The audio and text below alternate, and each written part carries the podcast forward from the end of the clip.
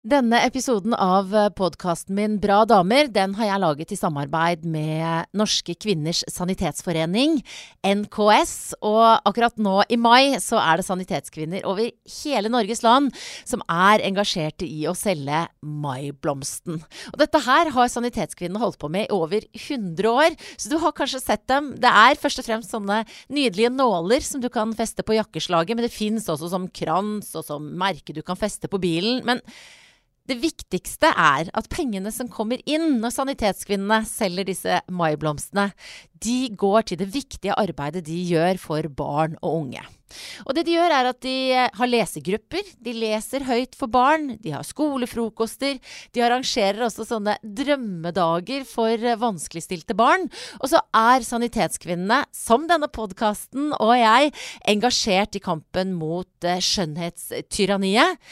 Det kan nok hende det blir litt tema i uh, denne episoden også. Jeg har nemlig invitert en psykiater som har jobbet mye, bl.a. sammen med Sanitetskvinnene. Engasjert uh, bl.a. i dette temaet rundt uh, skjønnhetstyranniet. Og hvis du har lyst å engasjere deg i Sanitetskvinnene, eller er nysgjerrig på arbeidet de holder på med, så anbefaler jeg deg å gå inn på sanitetskvinnene.no. Og så kan du vite det, hvis du møter en maiblomstselger på gata, at eh, kjøper du en, så går pengene til noe skikkelig bra og viktig.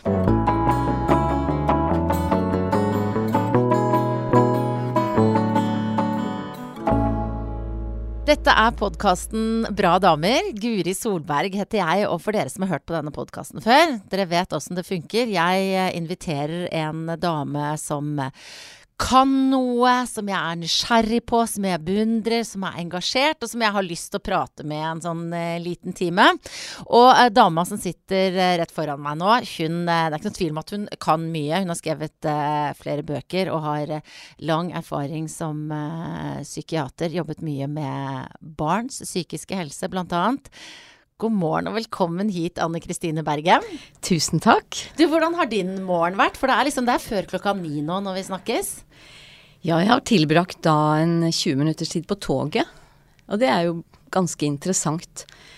Og da tenkte jeg på at vi har, vi har litt å lære av folk som har det litt trangere enn oss, tenkte jeg da.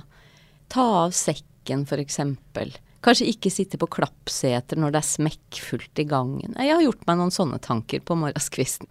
Men du, hvordan er du da? For jeg kjenner meg jo veldig igjen i de observasjonene der. Og jeg vet at noen dager så er jeg sånn Da kjenner jeg liksom aggressiviteten. Mm. Altså da kan jeg hate han fyren som ikke tar av seg sekken. Hvordan er du der? jeg kan også kjenne på det at jeg blir veldig, veldig irritert. Men så har jeg vel med årene lært at alle, altså alle er midt i sitt eget liv.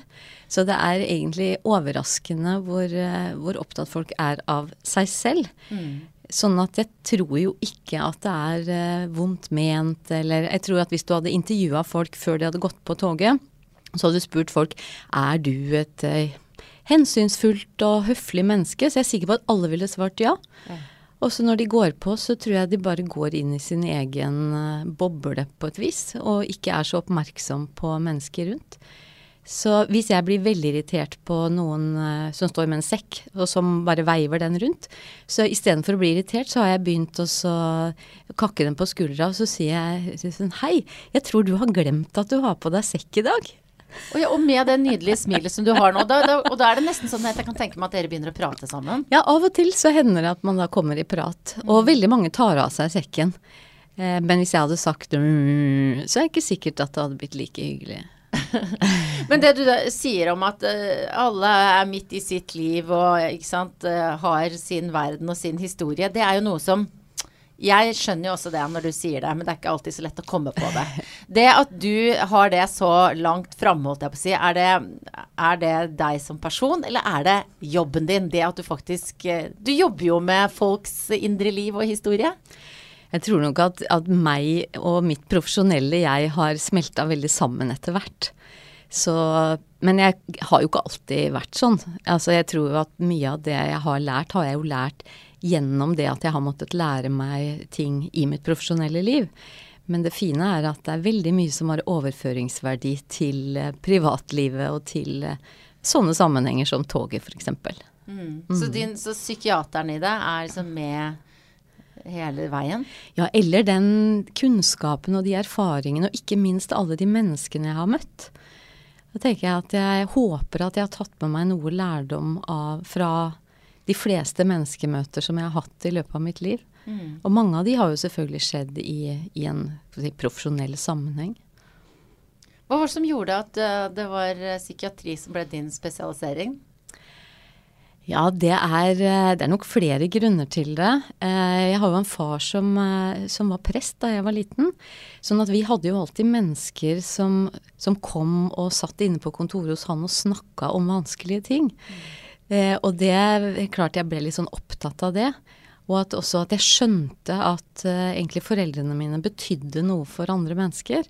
Eh, så det var nok en inspirasjon uten at jeg måtte, tenkte bevisst på det den gangen. Men da jeg var elleve år, så flytta vi til eh, Asker og til Dikmark. Fordi at faren min skulle jobbe som sykehusprest på Dikmark. Og da hadde jeg skoleveien min gjennom sykehusområdet hver dag liksom i femte og sjette klasse. Og da ble jeg jo veldig nysgjerrig på hva var det som gjorde at det var så mange mennesker som da eh, Altså, da kalte man det jo pasienter. Eh, og hva var det som gjorde at folk trengte å være der? Eh, og jeg husker jo vi gikk, vi barna vi gikk jo på kino sammen med pasientene på et sånt lite lokale der og sånn. Så, så jeg ble nok veldig sånn fascinert over hva som kan foregå på innsida. Mm. Eh, og den fascinasjonen ble jo ikke, og har jo ikke blitt noe mindre med åra.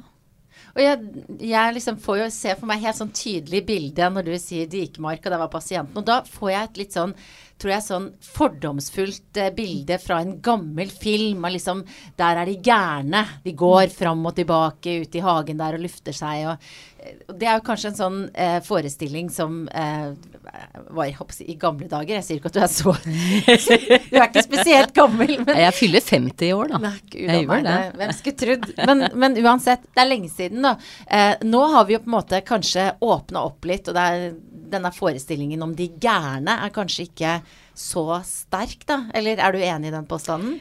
Jeg håper jo at det har skjedd en del, og, og det er mye mer åpenhet. Og det er kanskje litt mindre skille. Men, men, jeg tror nok dessverre at det eksisterer ganske mange fordommer eh, som jeg da tilskriver mangel på kunnskap. Mm. Kanskje særlig om de mest alvorlige eh, psykiske lidelsene. Jeg tror at det har blitt mye lettere å snakke om angst og depresjon og sånne ting. Men, eh, men psykose f.eks. Og, og de alvorlige, de, der sitter det nok litt eh, lenger inne for folk å tenke at, eh, at det er et vi, mm. og ikke et, liksom et oss og dem. Hvorfor er det sånn, tror du? Jeg tror jo at folk vet, vet lite.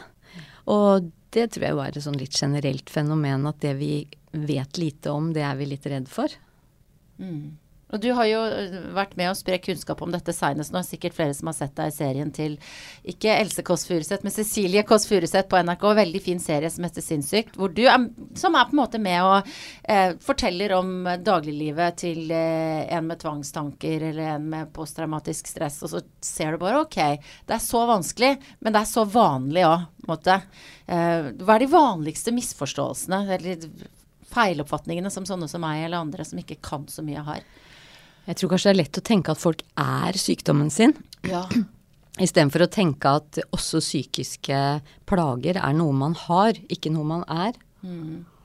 Og det snakker jo Cecilie også om at hun, hun forteller om sin diagnose, at hun var redd for at plutselig skulle hun bli hun derre bipolare. Uh, hva kan man altså Hva kan man gjøre for å unngå den misforståelsen at uh, ting Det blir en sånn merkelapp? Altså, vi må spre mer kunnskap og gi folk en mulighet til å forstå. For jeg, jeg har jo på et vis tatt et valg, og jeg tror på det gode i menneskene. Og jeg tror at de fleste eh, vil vel. Eh, og hvis folk da oppfører seg dumt eller eh, ikke, ikke, forstår, så er det fordi at de, at de ikke har nok kunnskap, eller ikke ja, eller at er, de er i sitt eget liv, eller at det er stress eller sånne ting. Så jeg tror jo veldig på den serien Sinnssykt, f.eks. Mm. Jeg tror at den har stor betydning.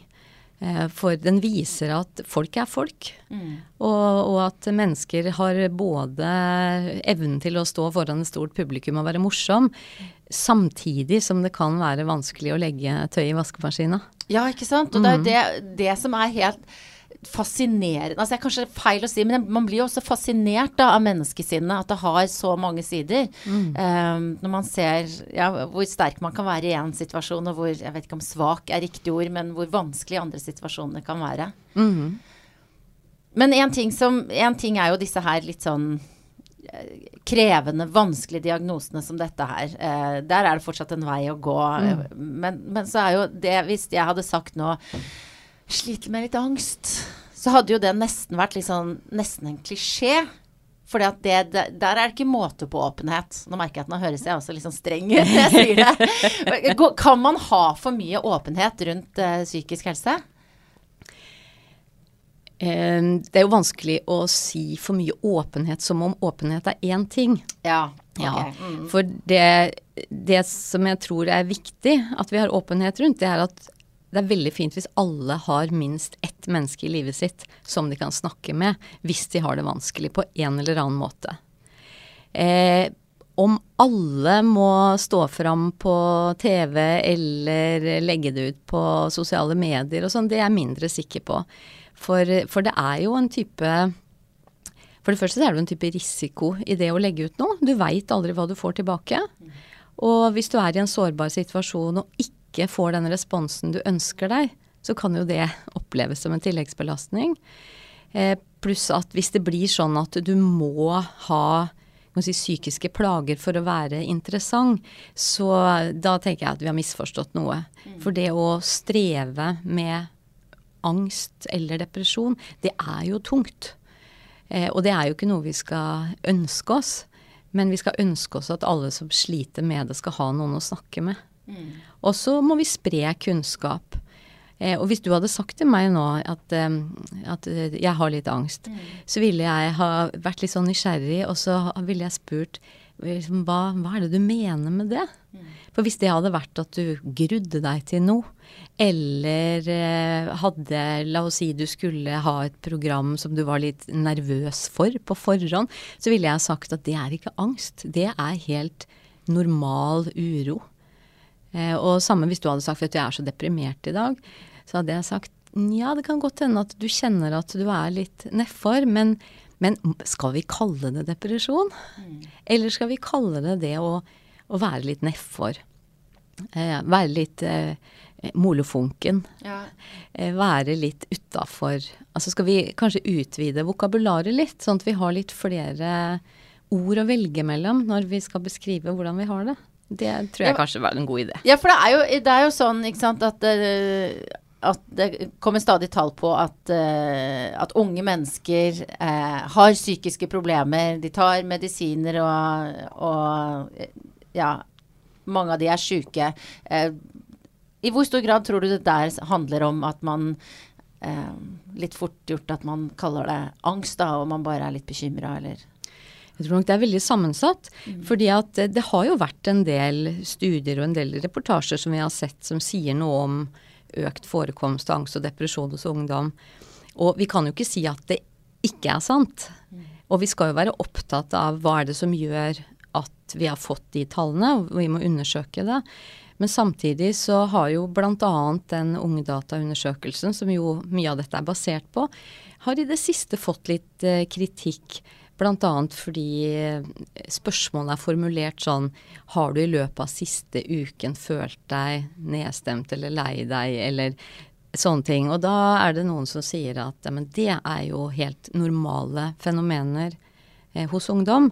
Så skal vi basere eh, skal, vi basere oss på, på den rapporteringen. Og jeg tror det er viktig at vi ser litt på hva er det vi spør om, og hva er det vi måler. Altså Måler vi det vi tror vi måler, eller måler vi normal livsvariasjon hos ungdom? Mm. Så, så, ja, jeg er jo absolutt av de som har, har blitt bekymra og tenkt hjelp, er det så mange unge mennesker som sliter, og hvorfor? Men så gir det jo mening en del av det de kritikerne skriver òg, at er vi, altså er vi så sikre på det? Og ungdomsgenerasjonen er neppe tjent med at vi sykeliggjør dem. mer enn, mer enn Ja, nødvendig. Men hva er det som bekymrer deg, da, uansett eh, om de bare er litt, eh, litt lei seg, eller om de er ordentlig deprimerte, eller kanskje et eller annet sted midt imellom. Hva er det som bekymrer deg mest med, med dagens ungdom? Da må jeg rett og slett si at dagens ungdom bekymrer meg ikke så veldig. Men, Nei. sa, men samfunnet. Ja. Samfunnet bekymrer meg, og kanskje litt de voksne. For eh, hvis jeg får bare ta en sånn liten, eh, liten illustrasjon på det, så dagens foreldre er veldig opptatt av at barna skal ha det bra. Selvfølgelig. Altså alle vi som er foreldre, vi ønsker at barna våre skal ha det bra. Og vi gjør ganske mye for at barna skal ha det bra. Eh, og så se for deg at eh, Pernille på 11 år kommer hjem og sier at 'jeg ble ikke bedt i bursdagen til Bente'. Eh, en sånn reaksjon som ikke er så uvanlig i dag, er mamma, en mamma som sier 'stakkars, stakkars deg', det er skikkelig dårlig gjort. Nå ringer jeg til mammaen til Bente, og så ordner vi opp i dette sånn at du også blir bedt. Og det kan man jo si at det er jo i veldig sånn god mening, og det er jo ikke ålreit at folk blir ekskludert. Men så kunne man også tenkt hva om mammaen hadde sagt Vet du hva, Pernille, det skjønner jeg skikkelig kjipt. Det er ikke noe rart at du blir lei deg for det.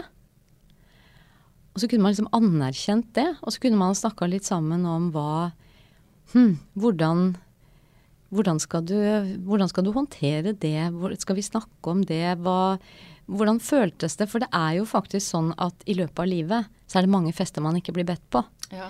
Og mamma kan ikke alltid ringe og ordne opp. Så på et eller annet tidspunkt så må vi kanskje hjelpe barn og unge til å håndtere vonde følelser og vonde opplevelser. Selv om det sitter litt langt inne, for vi vil at alle skal ha det bra hele tida. Så vi må rett og slett prøve å ikke passe på ungene våre hele veien, da. Eller finne en litt annen måte å passe på dem på. Guide dem inn i det som også er litt vondt. Ja, altså sier jeg sitte på henda. Ja. At det kanskje ikke skal handle så fort. For nå er det veldig sånn ordne opp. Ja, ja, Ja, vi det er foreldre, vi lokalavisoppslag, det der med hun 11-åringen der som ikke ble, Ikke sant? ikke ble invitert. Og, og det betyr ikke at jeg mener at det er ok å ekskludere. Men, men når man opplever det, så tenker jeg kanskje er det også noe det går an å snakke om. Eh, som kan være med på å, å bygge, altså bygge en type robusthet. Sånn at når du har flytta på hybel og er 19 år og kjæresten gjør det slutt, så, så veit du liksom at de følelsene som dukker opp, de er mulig å overleve. De er mulig å håndtere. Du går ikke i oppløsning. Det kommer til å bli bedre med tida, og dette her er du i stand til å mestre. Har du vært flink til å, å sitte på hendene dine som, når du har eh, oppdratt dine barn? Jeg tror jeg har blitt litt, eh, litt bedre sånn med åra. Jeg kan nok eh, huske episoder hvor jeg har liksom Nei, nå skal jeg snakke med mammaen til den, og dette må vi ordne opp i. Men, eh, men altså, mine barn har eh, hatt sitt strev. Og da har det vært viktig for meg å si at det er, ikke noe, det er ikke noe feil med deg. Og på et eller annet tidspunkt så kommer livet til å være bedre. Men akkurat nå så er det strevsomt. Men du behøver ikke å være aleine i det. Og det som jo er når man har barn, er jo altså da må, er man jo pukka nødt til å være et ordentlig menneske. For én ting er jo hva vi sier til disse barna våre, men en annen ting er jo hvordan eh, vi oppfører oss. da. Jeg har tenkt mye på det nå, for det, barna mine nå er liksom akkurat store nok til at jeg, jeg kan ikke spise sjokolade uten at de merker det. Og jeg kan heller ikke hva skal jeg si, snakke stygt om naboen da, uten at de liksom merker seg hvordan jeg omtaler andre mennesker. Og der eh, syns jeg jo kanskje Nå skal man passe seg for å, å dømme andre foreldre for hvordan de oppfører seg, for alle gjør sine valg. Men jeg syns det er veldig mange som f.eks. er ganske åpne på at de går på detox-kurer og juice cleanser og det ene med det andre, og at de sitter der sammen med unga sine og gjør det. Og da får jeg litt sånn eh, vondt i magen. Hva er dine tanker som fagperson rundt altså det med mat og kropp? Ja, er, altså er det ikke rart at når voksne damer møtes, så er det liksom helt innafor å sitte og snakke nedsettende om sin egen kropp. Noen sier så godt eh, liksom, 'Du ser så godt ut'. 'Å nei, vet du, jeg har lagt på meg, og alle buksene er for trange', og 'huff a meg', og 'rynkene er' Og det er liksom helt greit. Og da tenker jeg at hvis det da er barn i nærheten som får med seg det, så lærer jo de at det er greit, og kanskje også en sånn sosial måte å være sammen på, å snakke ned sin egen kropp, eller andres kropper. Eh, og det, jeg syns jo ikke at det er ok. Eh, jeg håper jo at foreldre kan ha en bevissthet rundt hvordan de snakker om kropp og mat, både når det gjelder seg selv og når det gjelder andre. Eh, og at vi kunne være litt mindre opptatt av utseendet. For eh, jeg har jo sett det har vært sånn programmer på TV og sånn hvor det står sånn 'lær deg å elske kroppen din'. Mm. Og jeg er nok kanskje ikke helt der, men fordi jeg tenker at det motsatte av å ha et et uh, veldig dårlig kroppsbilde er jo ikke nødvendigvis å ha et veldig godt kroppsbilde, men at du kanskje ikke er så veldig opptatt av det. Ja, jeg vet. Og bare drite i det. Ja, og så ha, være opptatt av andre ting. Altså det er, det er ting her i verden som er ganske mye viktigere enn uh, om du har fått en rynke eller om buksa er litt trang. Mm. Men så er det jo sånn da at når man da enten som ung eller voksen får et veldig sånn oppheng på det, så da er man kanskje bevisst på at dette her er jo utrolig lite viktig, men det er der, det er der, det er der. Eh, hvor, mye av den problematikken har du jobba med? Eh, Blant annet sammen med Sanitetskvinnene så har jeg jo jobba med en sånn kampanje som var liksom kampen mot skjønnhetstyranniet. Ja. Liksom spenstig overskrift. Mm. Og, og det vi har jobba med da, det er jo altså vær litt mer vanlig. Eh, altså gå aktivt inn for å snakke om folk på en annen måte enn gjennom kropp. Altså, si, hvis du vil si noe pent om noen, så behøver du ikke å si at uh, hun er så fin på håret eller er så slank. Men kan liksom si det at uh, får meg alltid til å le, eller jeg slapper alltid så godt av sammen med henne. Altså, for hvis man venner seg til å snakke om ting på en annen måte, så er det sånn at holdningene forandrer seg. Eh, og du vet, Holdningsskapende kampanjer er fryktelig vanskelig. For å sitte og endre holdninger, det, det får vi nesten ikke til. Men hvis vi endrer oppførsel, endrer den måten vi snakker på, så følger holdningene litt etter. Og så tar det litt lang tid, gjør det ikke det? Det tar litt tid, men det å være bevisst på det, og kanskje snakke med de andre mammaene i klassen om skal vi, skal vi prøve å, å snakke sammen på en annen måte? Skal vi, ja, skal vi, skal vi gjøre noe med det? Men det er litt vanskelig òg, da, for da blander man seg liksom opp i hvordan andre snakker til sine barn. Jeg syns det er litt skummelt, jeg. Ja. Ja, og man behøver jo ikke gå med pekefingeren og si at du er, du er dum som snakker sånn. Men, eh, men at man kan ha litt eh, altså Det fins jo temakvelder hvor man kanskje kunne ha opp noen sånne temaer. Hvordan snakker vi om mat hjemme hos oss? Altså det, er, det er en del ting man kan gjøre hvis man ønsker å endre seg. Men eh, det, det, er, altså det er vanskelig å forandre seg. Det er det. Men du er i hvert fall opptatt av, uansett om det handler om eh, kroppspress eller eh, psykisk helse, et godt liv, så altså at vi foreldre skal ta Det er ikke ungdommen som nødvendigvis skal skjerpe seg. Nei, for det skremte meg veldig da jeg for noen år siden var på, var på Lucy Smiths barnerettighetskonferanse. Og der var det noen representanter fra en sånn paraplyorganisasjon for alle barne- og ungdomsorganisasjoner i Norge. Og de hadde da spurt sine medlemmer om hva, hva man skal gjøre med det at ungdom kjenner på press. Kroppspress, prestasjonspress. Og det ungdommene hadde svart var vi må bli flinkere til å tåle presset. Vi må bli flinkere til å stå imot. Og da kjente altså Det var sånn jeg kjente langt ned i magen. Ingen som sa det at eh, vi lager demonstrasjonstog, eller vi, vi river ned reklameplakater, eller vi Altså det var ingen som hadde sånne, sånne forslag. Det var liksom Vi må bli flinkere. Og det er litt skummelt hvis ungdom også skal ta ansvaret for å gjøre noe med at det er blitt sånn. Ja. Og det er jo litt sånn der, det uh, Kanskje med den der individualiseringen. Altså vi er veldig sånn der sterke individer som kan få til alt. Og da er det også vi som Nei, nå må jeg, nå må jeg ta tak her, og dette må jeg bli uh, flinkere på. At det er liksom den tankegangen som uh, går igjen, da. Ja, det er blitt eh, en veldig sånn individualisering, og, og det er sånn fordi du fortjener det, og, og veldig sånn du kan bli hva du vil. Eh, altså alle sier jo det, og det er jo også sagt i beste mening. Sier foreldrene til barna sine, så sier de du kan bli hva du vil. Du har alle muligheter. Og da blir det jo litt sånn da, hvis du ikke får det til, så har du bare deg sjøl å skylde på. Og det er ganske tung bør, det òg. Selv om altså, det vil jo si at vi skal ikke bagatellisere de som måte ikke har muligheter. Så igjen så blir dette en sånn balansegang. Ja. For det er de er det er de som er fattige, og som har lite ressurser. Det er, eh, altså, det er jo de som har det verst. Sånn at vi skal jo ikke tro at det å ha alle muligheter og ha foreldre som stiller opp, er en sånn veldig byrde i livet. Eh, men det er jo ting vi kan måtte jobbe med der også. Mm. Hva er det du brenner for mest akkurat nå? For jeg vet at du har jo et stort engasjement for mange ting. ja, jeg, det er litt sånn at jeg er litt lettengasjert. Så jeg lar meg egentlig engasjere i mye. Så vil jeg akkurat, akkurat nå så har jeg sendt inn en søknad om midler til Ekstrastiftelsen. Fordi at jeg har veldig lyst til å undersøke hvordan det er å være kvinne og familie i Norge hvis du får en fødselspsykose. Ja. Ja. Så det er, det er, Jeg har et brennende engasjement akkurat der. Eh, det har også mye annet jeg er opptatt av, men, eh, men eh, det handler nok mye om, om, psykisk helse og hvordan vi blir møtt. Mm. Altså når, når, man har utfordringer, hvordan blir man møtt av venner, naboer, helsevesen? Eh, og, og, at menneskers opplevelser er, eh, altså er, viktige. Fordi at ja, altså en sånn tanke jeg har, at er hjelp til hjelp hvis den ikke oppleves som hjelp. Eh, og, og det, det, har jeg tenkt mye på.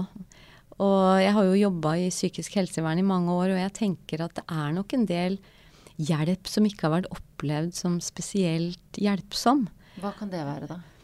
Um, nei, blant annet har det jo vært en svær diskusjon som har gått nå de siste åra om det med medisiner, f.eks. Ja. Eh, og, og jeg jeg tror jo det at noen har, altså noen har nytte av medisiner, men det er også noen som ikke har det. Eh, og at det kanskje har vært litt sånn lite ydmykhet i møte med mennesker da, om alt vi ikke veit.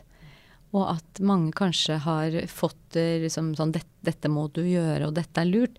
Og ikke fått være med på en diskusjon om fordeler og ulemper og kanskje ikke fått nok informasjon til å ta måte, valg.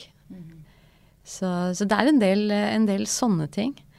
Men akkurat når det gjelder det med kvinner med fødselspsykose, så er det sånn vi har jo ikke mor-barn-avdelinger i Norge. Eh, og i andre land så blir mødre som får fødselspsykose lagt inn sammen med barna sine. Ja. I England f.eks. Mm. Så jeg lurer litt på hvordan, hvordan er det? Hvordan er det å bli skilt fra barnet sitt? Når du går rundt med nærmest et sånt stort hull etter å ha født, og så blir du sjuk. Og så blir du altså lagt inn et sted hvor du ikke kan ha barnet sammen med deg. I hvert fall ikke rutinemessig. Åh, jeg får helt sånn eh, mm. klump i magen av å tenke ja. på det. Og det er jo igjen dette her med åpenhet, for nå har du jo da eh, heldigvis, og bl.a. i denne podkasten, har vi snakka om fødselsdepresjon. Det er flere som har liksom sagt eh, 'Det har jeg opplevd', og fortalt om det, og så kommer det to-tre andre 'Å, så bra at du sier fra'. Så der føler jeg at der er det liksom Der er det blitt mer eh, raushet og åpenhet, og forståelse kanskje, de siste årene. Men når du sier fødselspsykose, så får jeg litt sånn Og så vet jeg nesten så Hva er det egentlig? Ja, nå er det sånn at eh, fødselspsykose det er ca. Én til to kvinner per 1000 ja. som får det. Mm. Så det betyr at det er over 1000 kvinner i Norge hvert år som opplever en fødselspsykose. Og, og, det kan være på veldig mange forskjellige måter. Altså, noen kan ha det fordi at de f.eks. har en, en psykosesykdom som de merker fra tid til annen, og så slår det også ut etter fødsel. Noen kan ha en bipolar lidelse eh, hvor du da har måtte, kanskje perioder med mani, du har perioder med depresjon, og så kan du oppleve psykose i den forbindelse. Eh, eh, noen har det, og da er det litt økt risiko for å få det også etter fødsel. Og så er det noen som får det litt sånn lyn fra klar himmel eh, i løpet av Vanligvis da i løpet av noen uker etter fødsel. Og man vet ikke helt hvorfor. Det kan være litt hormoner. Det forandrer seg jo veldig mye. Det kan være hvis du har litt belastninger i livet, da. Hvis du har konflikter i parforholdet eller så sånne ting, så er jo ikke det nødvendigvis bra for helsa. Eh, søvnmangel.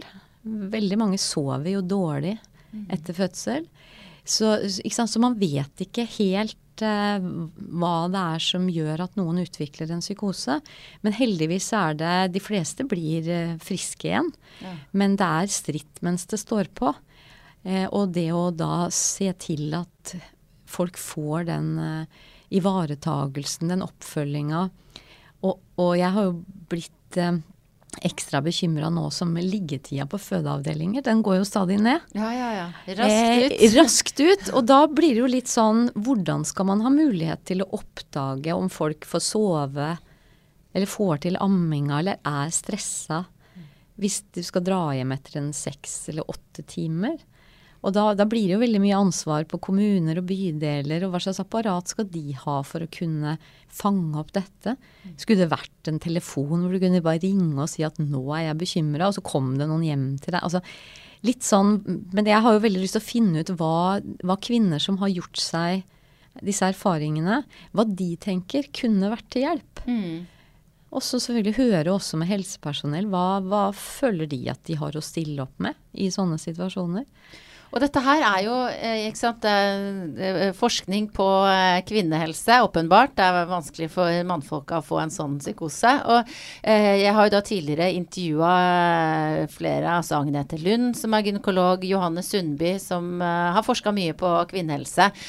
og de sitter med en sånn oppfatning av at det er mindre status eh, å forske på den type lidelser som kun rammer kvinner. Hva er din følelse av det, du som nå også sitter midt oppi det? Jo, vet du, det, det, tror jeg nok at jeg kan skrive under på. I hvert fall så er det sånn opplevelsen. altså Nå har jeg ikke noe forskningsmessig belegg for å komme med den påstanden. På det, det er ingen som Nei. forsker på det. Eh, men, men, eh, men, opplevelsen er nok litt sånn at det er, eh, det er en del sykdommer, en sånn del sånn kvinnesykdommer som, som jeg tenker det snakkes veldig lite om. Og, og, der har det jo vært en glede da, igjen å samarbeide med Sanitetskvinnene. For de, det er jo utrolig hvor mye penger de samler inn ja. for at det skal forskes på kvinnehelse. Hva er det de sier? Det, det tar 30 000 fastelavnsris til for å finansiere én doktorgrad. Ja. Så, så der, og de gjør jo det, ikke sant. Bare sånn som, og nå er det ei som jeg vet forsker på mammamagen. Ja, Hva skjer? Det ja. Og det, for det tenker jeg, hvis du går der med sånn forkle av hud i årevis etter at du har født, så kan det jo hende at det gjør noe med livskvaliteten. Eh, men det kan også hende det ikke gjør det. Det må vi jo finne ut. Og jeg vet at de forsker på endometriose. Som jo er at det er eh, da måte, vev som er litt rundt omkring i bukhula, som kan gjøre vondt. Mm. Eh, det, det, er jo så vidt jeg vet, så er det ikke forska så veldig mye på polycystisk ovariesyndrom, mm. som jo gjør at du må leve et liv uten karbohydrater. Og det er ikke fordi det liksom er kult, Nei. det er fordi at uh, du øker risikoen for hjerte-karsykdom og diabetes. Og risikoen for å bli ufrivillig barnløs øker. Det er jo sånne sykdommer som det ikke snakkes så veldig mye om. Det er, det er liksom ikke så kult. Da er, det, da er det lettere å snakke om både hjerte-karsykdom og, og Kreftforeningen har gjort en fantastisk innsats som gjør at kreft er noe vi nå snakker om. Mm. Men det er, det er liksom en vei å gå, og særlig kanskje på kvinnehelse. Selv om jeg tror at det er mange menn som sliter med mye de ikke snakker så mye om også. Ja, det er det nok. De kan bli flinkere til å gå til legen, blant mm. annet. Men det er jo det er veldig, veldig flott at uh, forskere som deg går foran. Da. tar tak i disse spennende temaene, sånn at vi kan uh, vite mer og finne ut av uh, dette her. Det syns jeg er syns jeg er glimrende. Har du, har du alltid hatt det derre lettengasjerte vesenet som du sier du er? Har, er det liksom sånn at et nytt prosjekt, og så kommer det et nytt altså, Har du alltid vært like lett å motivere til å fortsette å grave? Det, det tror jeg egentlig. Jeg har alltid vært, eh, alltid vært uh, nysgjerrig. Eh, og ja, og jeg kan jo huske at jeg satt jo sikkert i alle mulige sånne styrer og sånn helt fra jeg gikk på ungdomsskolen, videregående. Ja. Jeg var til og med søndagsskolelærer da jeg sjøl gikk på barneskolen yes. for eh, yngre barn. Så jeg tror jeg alltid har hatt en sånn formidlingstrang også, da. Ja. Lyst til å finne ut ting og så lyst til å fortelle om det. Mm. Det at du har eh, både vært da, søndagsskolelærer og pappa som var prest, det, altså, det, har du med deg det troen fortsatt? Eh, ja, det har jeg. Mm. Eh, den har vært eh, til og fra. Jeg tror jeg har vært veldig langt unna i ganske mange år. Men så, så er jeg liksom en sving innom igjen, og jeg tror nok det handler mye om, om det der at jeg, jeg tror ikke at ting kan være så tilfeldig. Mm. Jeg tror det er en, en, en større sammenheng. Og jeg syns også det gir bidrag til et sånt, et sånt verdisyn som, som jeg syns er viktig å ha med meg. At det er ikke det samme åssen vi oppfører oss. Vi må oppføre oss ordentlig mot folk, og alle mennesker er like verdifulle. Og nå er jo ikke det, nå har ikke kristendommen kan si, noe monopol på et godt menneskesyn. Nei, det er sant. Eh, det, så, så, det mener jeg ikke. Men, eh, men, for meg så er det så tenker jeg det er et sånt verdigrunnlag som jeg, som jeg har med meg i livet mitt. Når er det du har vært lengst unna troen, da, siden det har svingt litt? Det tror jeg har vært i voksen alder. Jeg har blitt veldig sånn opptatt av uh, liksom jobb og, og ja, på en måte muligheter og, og vært sånn, så har det liksom blitt så lite tid til det. Mm. Men jeg er veldig heldig, da, for jeg har uh, et par gode venninner, og hun ene uh, Jeg vet at hun tente et lys for meg i Tøyenkirka hver onsdag. I de periodene hvor, hvor, jeg hadde det mest sånn vanskelig og liksom ikke kjente at nei, jeg tror ikke at det kan ikke være noen gud når livet er strevsomt og sånne ting. Så vet jeg at hun sa nei, nei, men du trenger ikke å tro, jeg tror for deg, sier hun. Og så tenner hun lys. Og det er jo det er jo en nydelig handling. Sånn, du sa nå om hva er det man ønsker å bli møtt med. Altså mm. Altså når man strever, eh, uansett når man er syk da, eller bare bare det at noen tenner et lys, det er en nydelig gest av vennskap, da, uansett om man putter noe religiøst i det eller ikke. Ja, det er jeg helt enig i. Og det å ha venner som bare er der, mm. eh, og som er til å stole på, og om du ser dem ofte eller sjelden det, det, det, er ikke det som er avgjørende. Mm. Det tror jeg det er en, virkelig en rikdom. Du har jo en profesjonell tilnærming til det å møte mennesker som, som sliter. Men uh, det er jo vanskelig som, som, pårørende eller venn å vite hva som er den riktige måten å reagere på uh, hvis du ser at det er noe som er gærent. Er det noe sånn Det er jo mange forskjellige situasjoner, selvfølgelig, men, men hva er det viktigste rådet du kan gi til hvordan man skal møte det? Det er å tørre å spørre. Eh, for eh, det å Jeg har sagt det noen ganger, og det er jo Jeg kommer aldri til å ta en tatovering.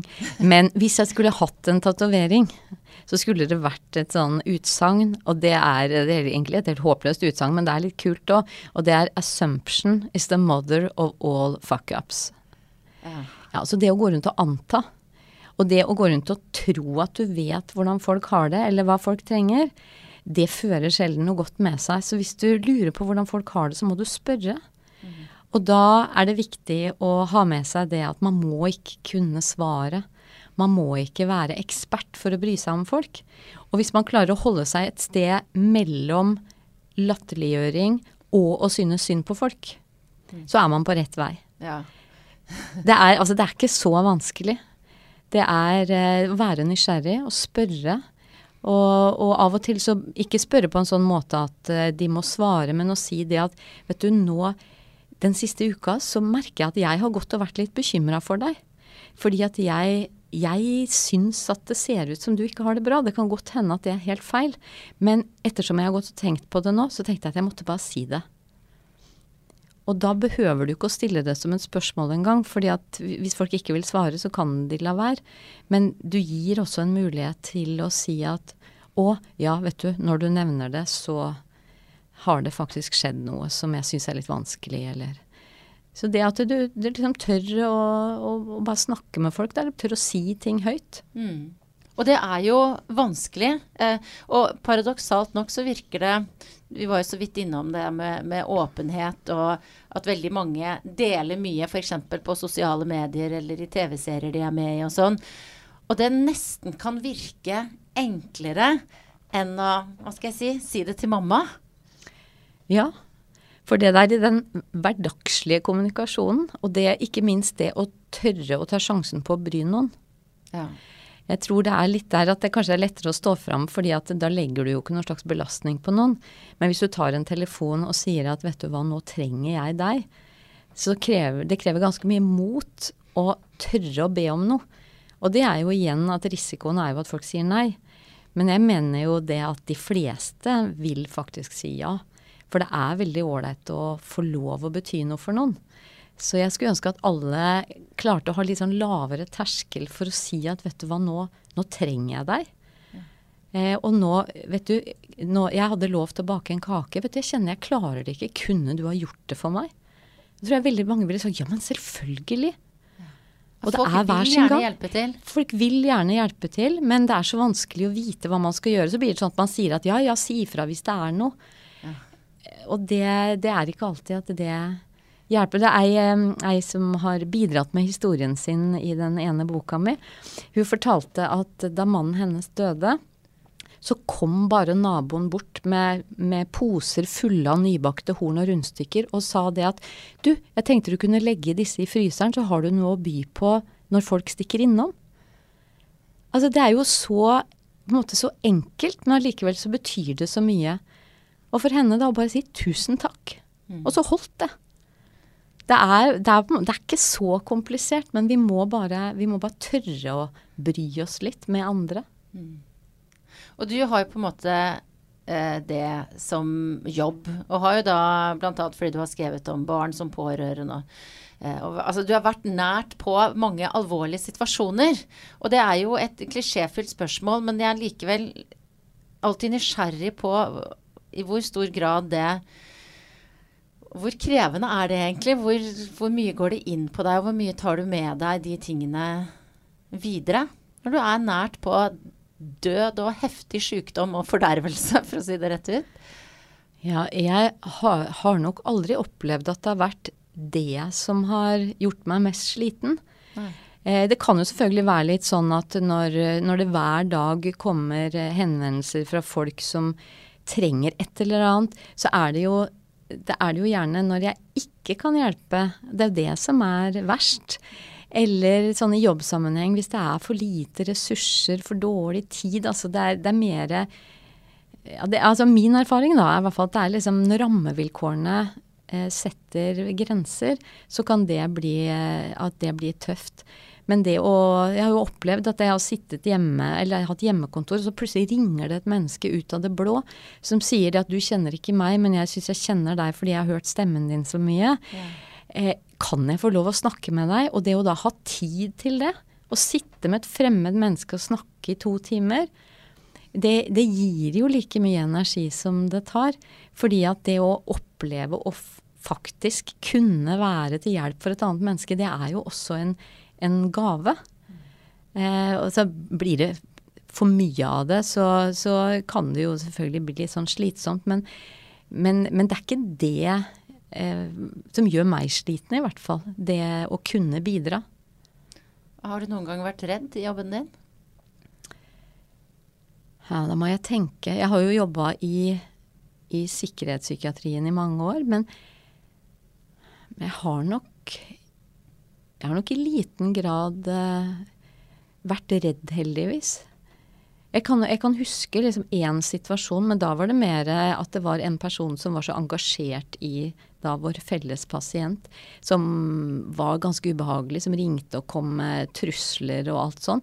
Og da, da, da jeg gikk hjem fra jobben den dagen, så så jeg liksom noen som kom løpende mot meg. Og da kjente jeg et øyeblikk på redsel for at det var den personen. Ja. Og det var jo ingen som hadde noen sykdom eller noe problem, men bare, som bare oppførte seg litt ugreit.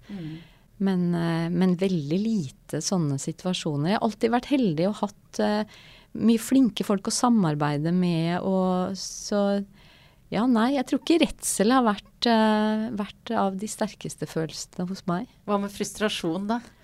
Frustrasjon har jeg kjent på, på mange ganger.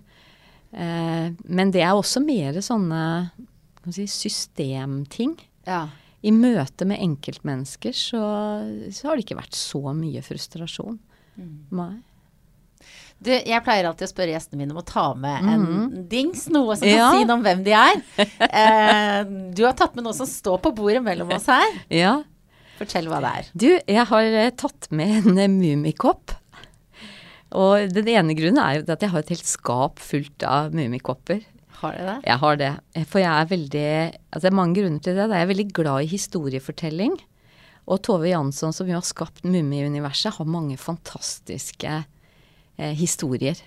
Eh, og jeg syns mange av de karakterene er brukbare også i faglige sammenhenger. Så jeg er veldig glad i, i Mummidalene og alle karakterene der. Eh, blant annet sånn som Snusmumrikken. Han må reise bort hver vinter. Og han er jo en kjempegod venn. Men så sier han da til Mummitrollet Nei, men jeg, jeg, er nødt til å dra bort en stund, for det gjør jeg for min egen skyld. Ja. Så jeg tenker han klarer den der balansen mellom å være en god venn, men samtidig ta vare på egne behov. Mm. Og så har vi det usynlige barnet som ikke har blitt sett, og som plutselig blir synlig både når hun roper og når hun ler. Så, så det å ta plass for å bli et synlig menneske Men den jeg har tatt med i dag, da, det er, det er altså mor med en hel haug med barn. ja, se her. Ja, og den er veldig fin, fordi at jeg er nok kanskje også et menneske som liker at jeg samler litt på folk. Altså jeg syns jeg kommer borti så mye spennende mennesker, og mange av de blir jo med meg videre i livet.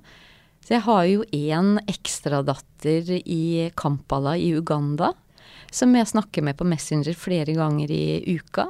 Som nå har blitt mor selv, så jeg er sånn ekstra bestemor til en liten gutt. Ja. Eh, Jeg var i India for to år siden, og da ble jeg kjent med ei ung jente på et ashram utafor Bangalore. Som da som er, Hun er en sånn, sånn IT-ingeniør i, i Bangalore. Vi også snakker på Instagram og, og Messenger rett som det er.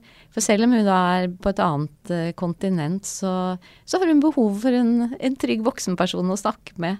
Jeg har også ei eh, jente i, i Bergen som jeg er veldig glad i, og som jeg snakker med ofte. Som eh, trenger også bare et ekstra voksent menneske i livet sitt. Så jeg har flere også. Jeg har liksom en del mennesker rundt omkring som, eh, som jeg bare jeg, jeg sier jeg har samla på, men altså de har samla på meg, og jeg har samla på dem. Så derfor så ble det litt sånn illustrerende det der å ha, ha Ja. mange mennesker rundt seg i, i livet sitt. Og det er jo også noe som jeg som jeg tenkte, Det er jo selvfølgelig en gjensidighet i det. De betyr mye for meg, og jeg er glad for å få lov å bety mye for andre. Så derfor så ble det akkurat den koppen, da. Ja, Som jeg tok med i dag. Det kunne vært deg, da, hvis du hadde hatt en sånn topp oppå huet. Ja, med alle menneskene du har Mm. mm. samla som, som du betyr noe for, og som sikkert betyr mye for deg også. Er, jeg er ganske glad i folk. Mm. Og det som er fint med Tove Jansson, er jo også at det er jo, det er jo et barneunivers, men det er plass til masse mørke der. Ja. Det er jo noe litt sånn «Åh». ja. Og Hufsa, Ja. som er så misforstått. Hun vil jo egentlig bare ha kontakt, og så får hun det ikke helt til. Så hun trenger jo noen som orker å se bak. Mm. Det er morsomt, er, du er ikke den første gjesten som har med en mummikopp. Og hvis jeg ikke husker helt feil, så er det Susanna Vallumrød, musiker og eh, plateselskapssjef og alt mulig, var her for noen måneder siden. Hun hadde også et skap fullt. Så det er Ja. nesten så dere skulle møttes og Ja, sammenligne, sammenligne samlinga deres. Ja. Eh, Det er samme lidenskapen for Mummi og Jansson. Ja, og jeg tror at det betyr at historiefortelling er like viktig i dag som det var i gamle dager. Altså vi trenger historier. Både for å fortelle vår egen, men også for å dele, for å skape gjenkjennelse, for å skape håp. Jeg har um, en annen fast ting i denne podkasten. Jeg har tre sånne kjappe, overfladiske spørsmål som jeg gjerne avslutter med. Og det ene er hva spiste du til frokost i dag? Jeg spiste to knekkebrød med brunost Og, og deilig. Og dette her er, det, det aner meg at dette her spiser du hver morgen. hver dag. Ja, og en kopp kaffe ved siden av. Nei, egentlig bare vann. Fordi at reiseveien min det tar en time fra jeg drar hjemmefra til jeg er på jobb. Og på toget så er det litt vanskelig tilgjengelige toaletter, så jeg vil helst vente med den kaffekoppen til jeg kommer på jobb. Men rutine, med andre ord. Rutiner. Så, så pleier jeg alltid å spørre hva, hvor lang tid brukte du på å finne ut hva du skulle ha på deg i dag? Vet du, det la jeg fram i går kveld. Hvor ofte pleier du å gjøre det? Jeg gjør det egentlig hver kveld, som en del av kveldsrutinen. Fordi at jeg liker å ha god tid sammen med sønnen min som bor hjemme fremdeles om morgenen. Sånn at vi kan spise frokost. Eh, og da gjør jeg unna de praktiske tingene jeg kan kvelden før. Mm. Du har da et eh, gult sjal og en eh, blomstrete, fargerik eh, bluse. Um, hvor eh, viktig er, altså i din jobb spesielt, da, hvor viktig er liksom, hva skal jeg si, de signalene man jo sender ut med hvordan man kler seg? Eh, jeg har blitt stadig mer opptatt av at ting må være komfortabelt. Ja, jeg vet. Så jeg har nesten lagt bort alt jeg har av høyhæla sko, for det er jo ikke behagelig å gå i. Så først og fremst så skal det være behagelig, og så er jeg glad i farger. Og så er jeg jo vokst opp med Jeg fortalte jo om faren min, men mora mi hun er utdanna formingslærer. Så jeg har vokst opp i et hjem hvor det har vært tøy og farger og ommøblering og Altså det har alltid vært mye ting å ta i. Da jeg var liten så satt jeg og sorterte knapper etter farger. Altså sånn at eh, stoffer og farger og kvalitet og det å ta i ting så jeg vil helst ha noe som både er eh, ålreit å se på, mm. som er sånn visuelt tiltalende, eh, og som er godt å ha på. Mm. Så, så, det er eh, viktig for meg. Det, det, er aldri sånn at jeg bare rasker noe ut av skapet. Jeg har en tanke bak, eh, tror jeg det må si hver dag. Mm. Mm. Det siste spørsmålet er jo da apropos eh, åpenhet eh, og Rama, et veldig personlighet. Mm. Når hadde du sex sist? Vet du, det er et interessant spørsmål, for det er lenge siden. Mm. Fordi at eh, mannen min og jeg, vi har hatt en veldig, veldig vanskelig periode. Så han har bodd hjemmefra i mange måneder. Mm. Eh, nå er han eh, i ferd med å flytte hjem, og vi finner rytmen igjen. Så jeg gjetter at det blir nok ikke så lenge til. Å, så bra! Var, for nå fikk jeg helt sånn jeg bare Ok! Uh, nå tråkka jeg uti det. Men så var det jo en, kanskje en fin slutt på den historien, da. Vet du, det er vi, vi, har vi, Jeg tenker det er ikke noe å skamme seg over å slite med ting i livet. Mm. Så, så jeg er veldig optimistisk med hvor lenge det er til. Ja. Ja. Fantastisk. Og for en avslutning. Lykke til med både mannen og forskningsprosjektene dine. Og eh, du snakka så vidt om eh, dette du har søkt penger om, eh, fødselspsykose. Mm. Eh, jeg tenker at når jeg legger ut denne podkasten, dere som hører dette, så kommer jeg til å legge mailadressen din, sånn at de som eh, kanskje vil ta kontakt med deg, og som har opplevd dette, og som kan dele sine historier, de kan finne det på, på eh, sosiale medier der jeg deler denne podkasten. Er det en bra plan, eller? Det er en bra plan. Ja. Jeg vet ikke om jeg får penger før i desember, men Nei. jeg lover å samle på alle e-postadressene. Ja, så vi mm. håper at det blir noe av. Tusen takk for at du kom til podkasten min. Takk for at jeg fikk komme.